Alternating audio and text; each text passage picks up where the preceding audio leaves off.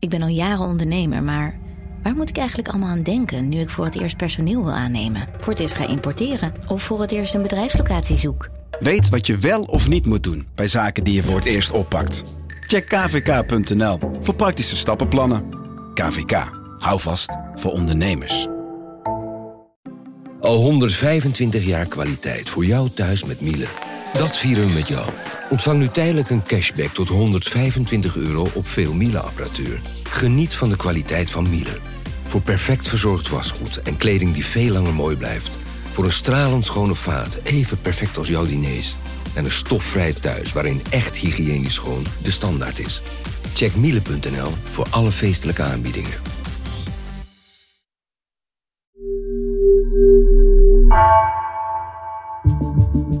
Vanaf de redactie van NRC het verhaal van vandaag. Mijn naam is Misha Melita.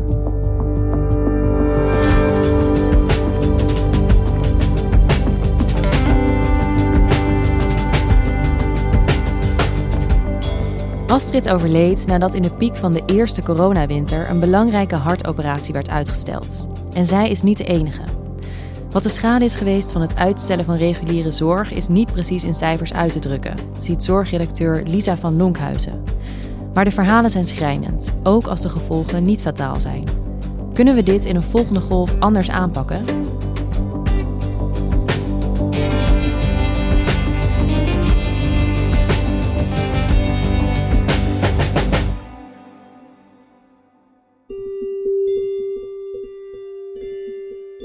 12 februari is mijn moeder wakker geworden. Met uh, kaakklachten en uh, wat andere klachten. Zullen we dan naar het ziekenhuis gaan, heeft mijn vader destijds gezegd. Uh, maar dat vond ze eigenlijk niet meer nodig, want het leek eigenlijk weg. Maar na het werk zou ze wel meteen eventjes naar het ziekenhuis gaan om het even te laten controleren. Dus, dus eigenlijk na haar werkdag is ze doorgereden naar het ziekenhuis in Veldhoven. Waar ze vervolgens op de spoedpost heeft gezeten. En ehm, ja, is opgestaan, uh, wat wij weten. Is gaan wandelen naar de gangen. En daar is ze dus eigenlijk uh, ja, ingestort als het ware. En, en is ze daar ter plekke overleden.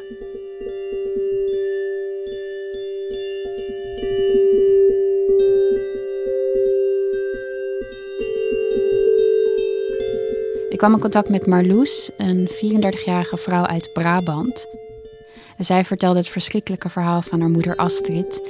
Die is overleden nadat de hartoperatie werd uitgesteld door, door corona.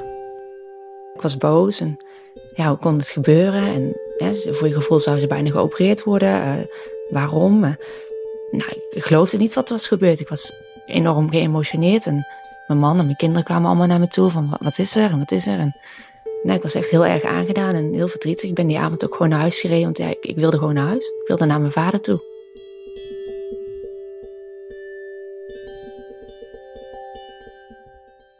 Waar begint dit verhaal van Astrid? Ja, dat verhaal begint eigenlijk bij een, een toevalstreffer. Astrid had reuma en in oktober 2020 uh, eh, kreeg zij scans. Om, eigenlijk om te kijken of de medicatie kon worden afgebouwd. Heel onschuldig. Uh, was vlak voor de coronawinter, de eerste zoals we die hebben meegemaakt. En op die scans werd iets onverwachts gezien, namelijk een aneurysma. Dat is een gevaarlijke plek in een bloedvat. Uh, een soort bolling. Uh, die kan scheuren en dat is levensgevaarlijk, want dat, dat kan een enorme interne bloeding opleveren. Artsen wilden haar graag helpen en haar graag opereren daaraan.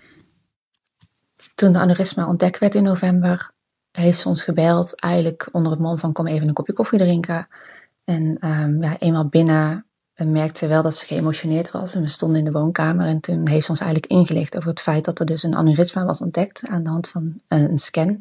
Die scan was in eerste instantie niet daarvoor, dus het kwam heel erg rauw op haar dak en was daardoor ook erg geëmotioneerd ja, over de situatie. Dus eigenlijk was Astrid, ja, was natuurlijk verdrietig en maakte zich uh, zorgen. Maar zij en haar familie waren ook best wel blij dat het gevonden was. Want ze zeiden tegen elkaar van, je had ook zomaar dood neer kunnen vallen natuurlijk hoe, hoe, blij moet je zijn dat je dit weet? Er zijn mensen die weten dit niet en overkomt het gewoon en dan is het gewoon direct einde oefening.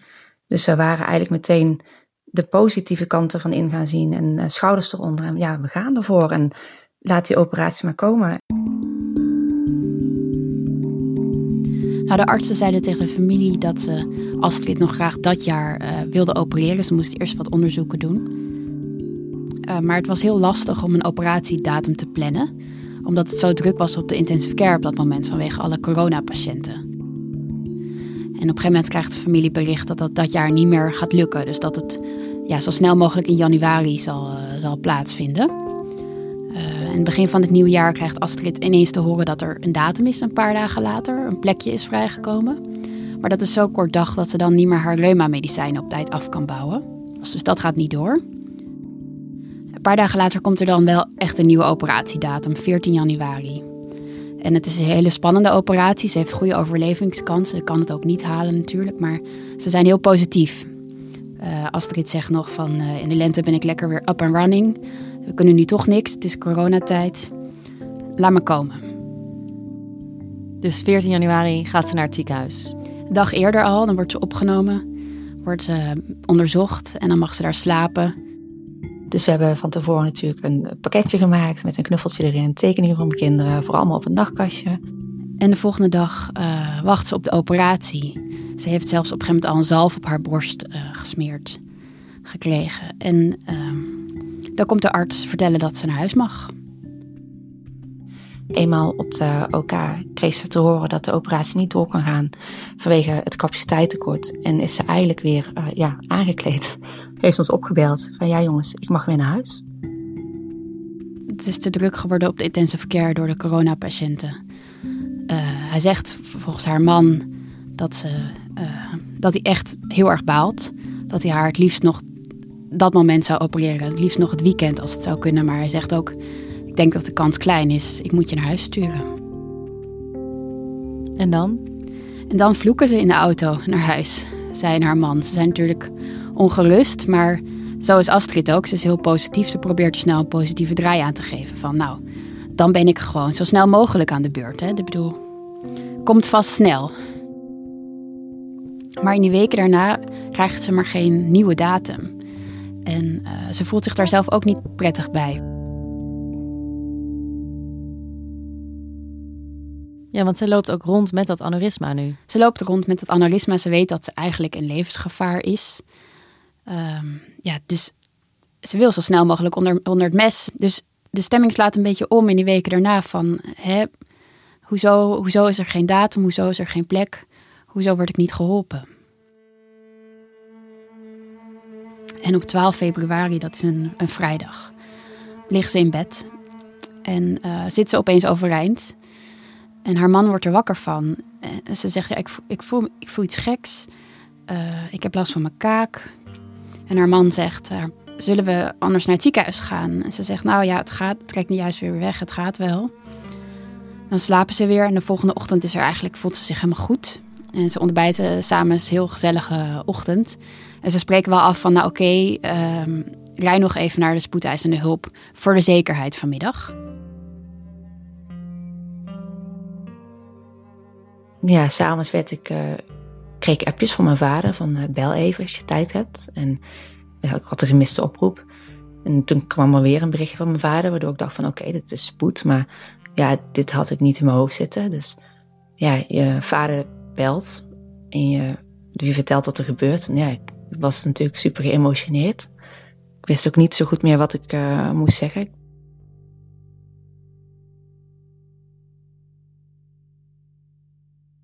Het is ontzettend wrang, dit verhaal. En het wordt nog wranger als twee dagen na het overlijden van zijn vrouw, de man van Astrid Ad, wordt gebeld door het ziekenhuis waar ze geopereerd zou worden. Dat is het Catharina ziekenhuis, een eind verderop.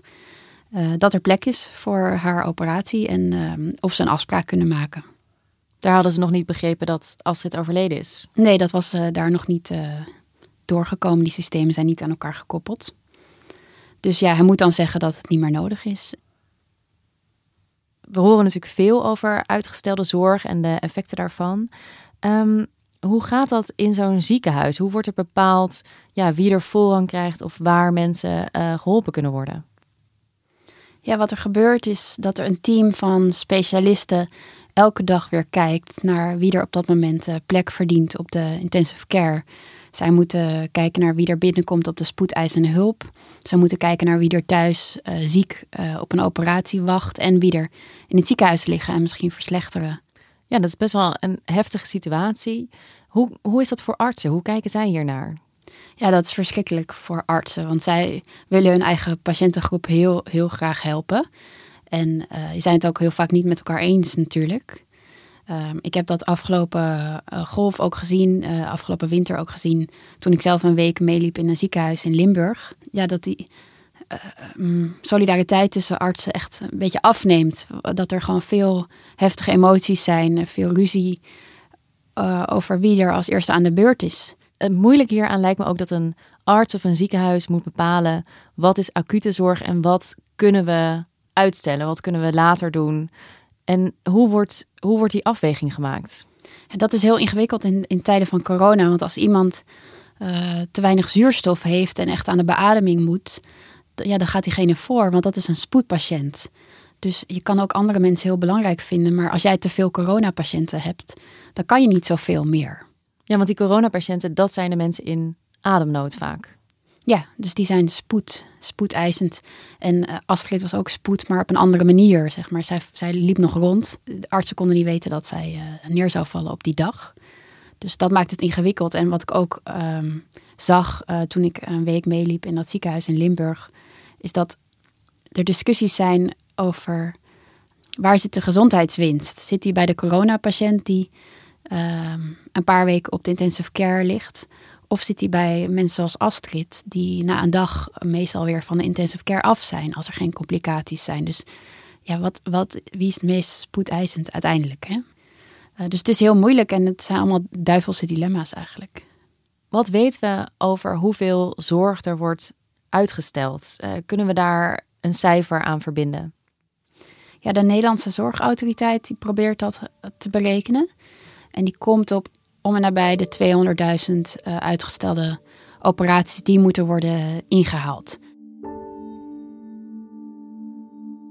Dus dat is echt een enorme opgave die nog, uh, nog voor ons ligt.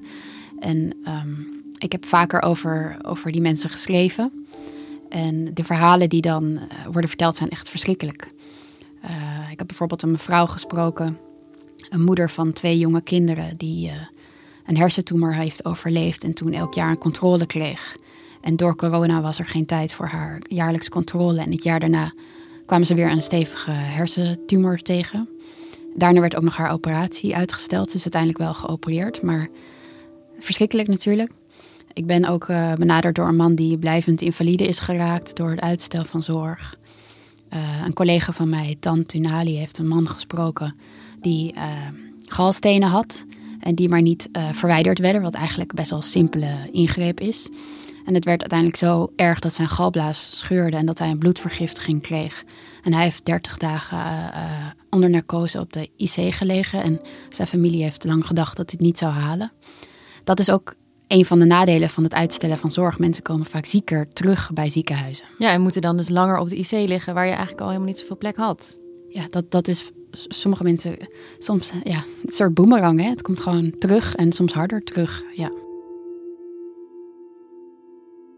En weten we iets over hoeveel uh, mensen er zijn gestorven doordat hun zorg is uitgesteld? Nee, en ik zou het hopen dat daar een keer een onderzoek naar komt. Want dat is natuurlijk wel interessant. En niet alleen de mensen die zijn ook overleden, maar ook de mensen die gezondheidsjaren, hè, zoals dat dan wordt berekend, uh, verloren hebben. Maar dat zijn ook weer hele ingewikkelde vragen. Je kan het nooit precies weten. Want stel iemand overlijdt aan kanker en zijn operatie uh, was maar niet door de drukte.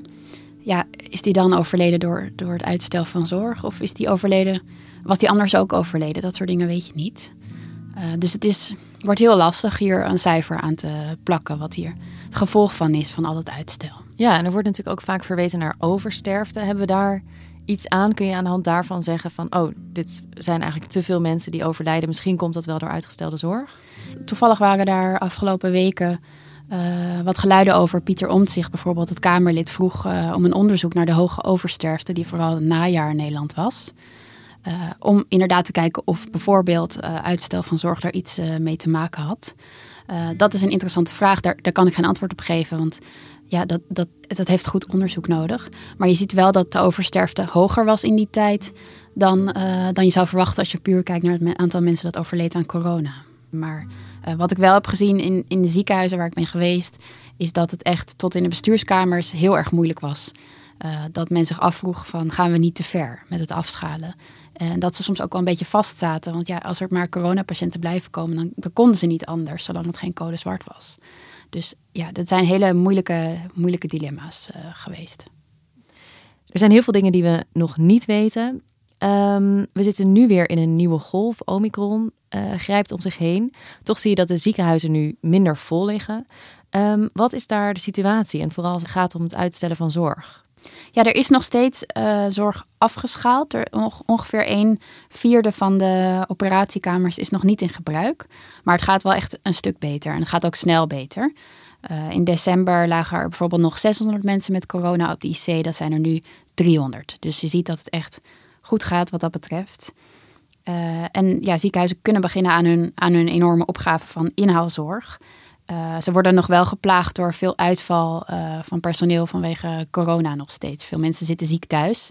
Dus dat gaat niet zo voortvarend als ze zouden willen natuurlijk. Ik weet nog na de eerste golf in die zomer dat ik artsen en uh, ziekenhuisbestuurders sprak. En ze zeiden dat ze hoopten dit nooit meer mee te hoeven maken. Dat ze zoveel reguliere zorg zouden afschalen. dat hebben ze dus wel weer moeten doen. Dus ehm, ik denk dat ze nu hopen dat het nu echt klaar is wat dat betreft. Ja, ik begrijp die, die hoop. Natuurlijk wil je niet uh, zorg zo erg moeten afschalen. Maar ja, wat als er weer een coronagolf komt? Misschien komen we dan toch weer in dezelfde situatie.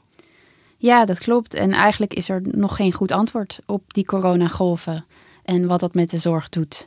Er is nog geen manier gevonden om dit uh, te voorkomen dat dit zo, zo heftig wordt steeds. Het kabinet heeft wel het voornemen om uh, de IC-capaciteit zo goed mogelijk uit te breiden. Maar um, ja, het kan weer gebeuren. En dat was ook voor Marloes reden om haar uh, verhaal te doen van haar moeder.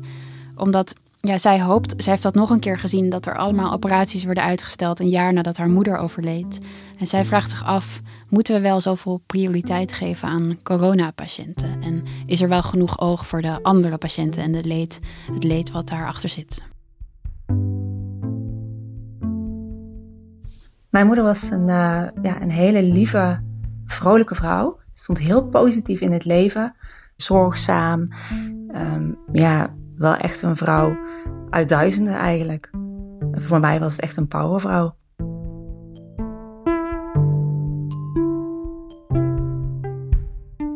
Dankjewel, Lisa. Graag gedaan.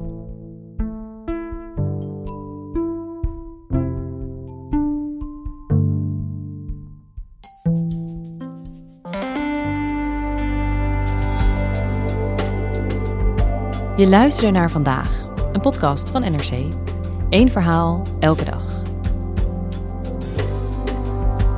Deze aflevering werd gemaakt door Liz Doutsenberg, Mila Marie Bleeksma en Jennifer Patterson. Dit was vandaag, morgen weer.